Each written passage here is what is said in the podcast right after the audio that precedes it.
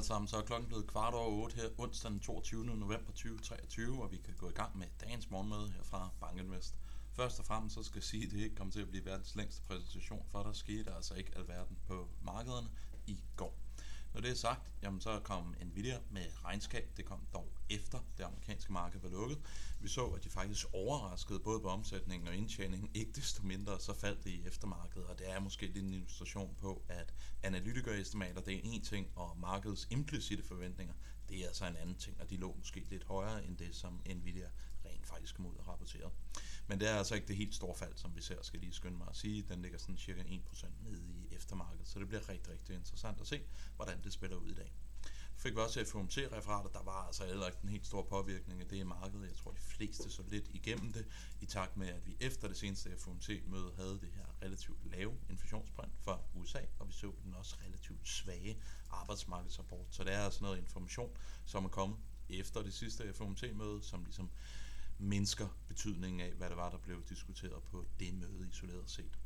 Og på den positive front, jamen så virker det altså til, at vi har fået en våbenhvile i Gaza, fire dage, og så skal der byttes nogle gisler. Isoleret set, så bør det altså være positivt, fordi det bør mindske den geopolitiske risiko.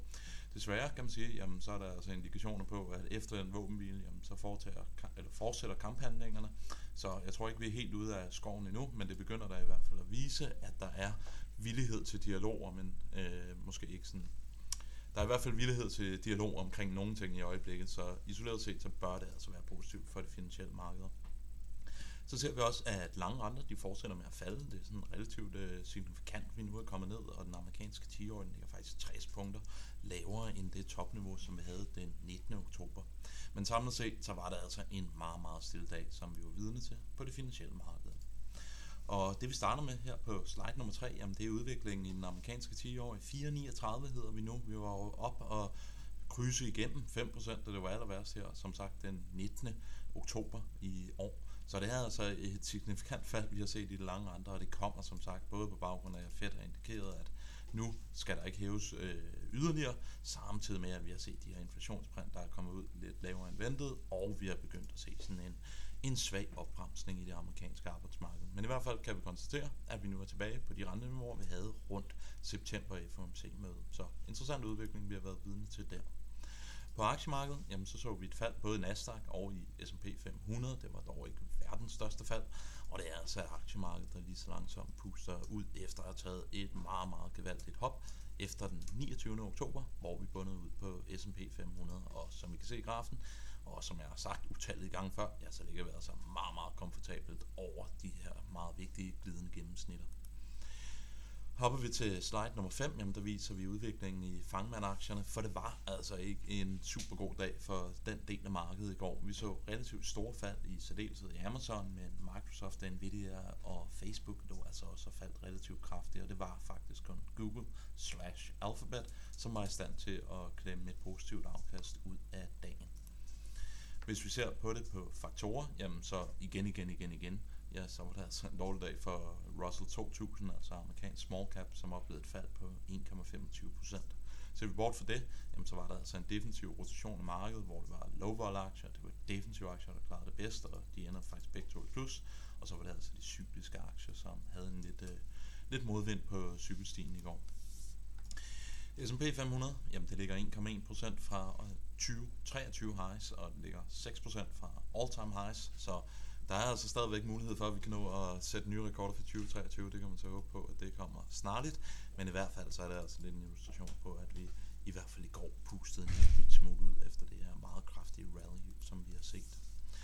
Og så skal jeg lige slutte af med at snakke lidt sentiment, for hvis man går ind og ser på den, der hedder National Association of Active Investment Managers, som er en amerikansk grundspørg, som prøver at fange op på, hvad har professionelle investorer rent faktisk eksponering til aktiemarkedet, jamen så er den altså steget relativt pænt efter at være bundet ud der i slutningen af oktober, starten af november. Så vi ser altså, at der er flere og flere investorer i USA, som begynder at smide håndklædet i ringen og tager øh, ja, hvad skal man sige, stop loss på deres undervægt aktier og begynder at købe op i øjeblikket. Når det er sagt, jamen, så kan man altså også se, at indikatoren den ligger altså på lavere niveauer, end det var vidne til sådan gennemsnitligt op igennem 2021, og faktisk også under det niveau, som vi så op igennem sommeren 2023. Så der er altså stadigvæk rum til, at nogle af de her professionelle investorer i USA kan købe yderligere aktier, så frem det her aktiemarked fortsætter op, og så frem at det stadigvæk øh, gør ondt på deres performance, hvis aktier ligger og stiger. Det er jo noget, der har været vores kongstanke af pain trading. Det er altså stadigvæk op i aktier. Hvad kommer der så til at ske i dag? Jamen først og fremmest så bliver det altså en relativt stille dag, og for at forvirre fjenden, så har vi jo skudt nogle amerikanske nøgletal lidt frem i tid. Initial jobless claims, det kommer nu om onsdagen i stedet for torsdagen, for amerikanerne de går på Thanksgiving i morgen.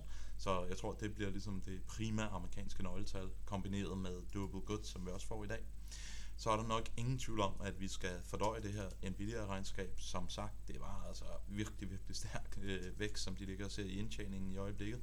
Så vi skal nok lige se, hvordan øh, markedet reagerer, og ikke, tøm, og ikke dømme alt for hårdt på den overnight action, som vi så efter de kom ud med regnskabet i går. Så kommer nok også relativt stor fokus på våbenvinen i Gaza. Endelig så kan vi konstatere, at Japan i hvert fald sidst jeg så på det, det var et plus, og så igen så er det altså sidste dag, inden USA går på ferie, og det bliver sådan lidt en forlænget feriedag, hvor vi har lukket i morgen, og så har vi en øh, meget kort handelsdag øh, på fredag. Så interessant dag, vi går i møde, og så bliver der altså nogle stille dage torsdag og fredag.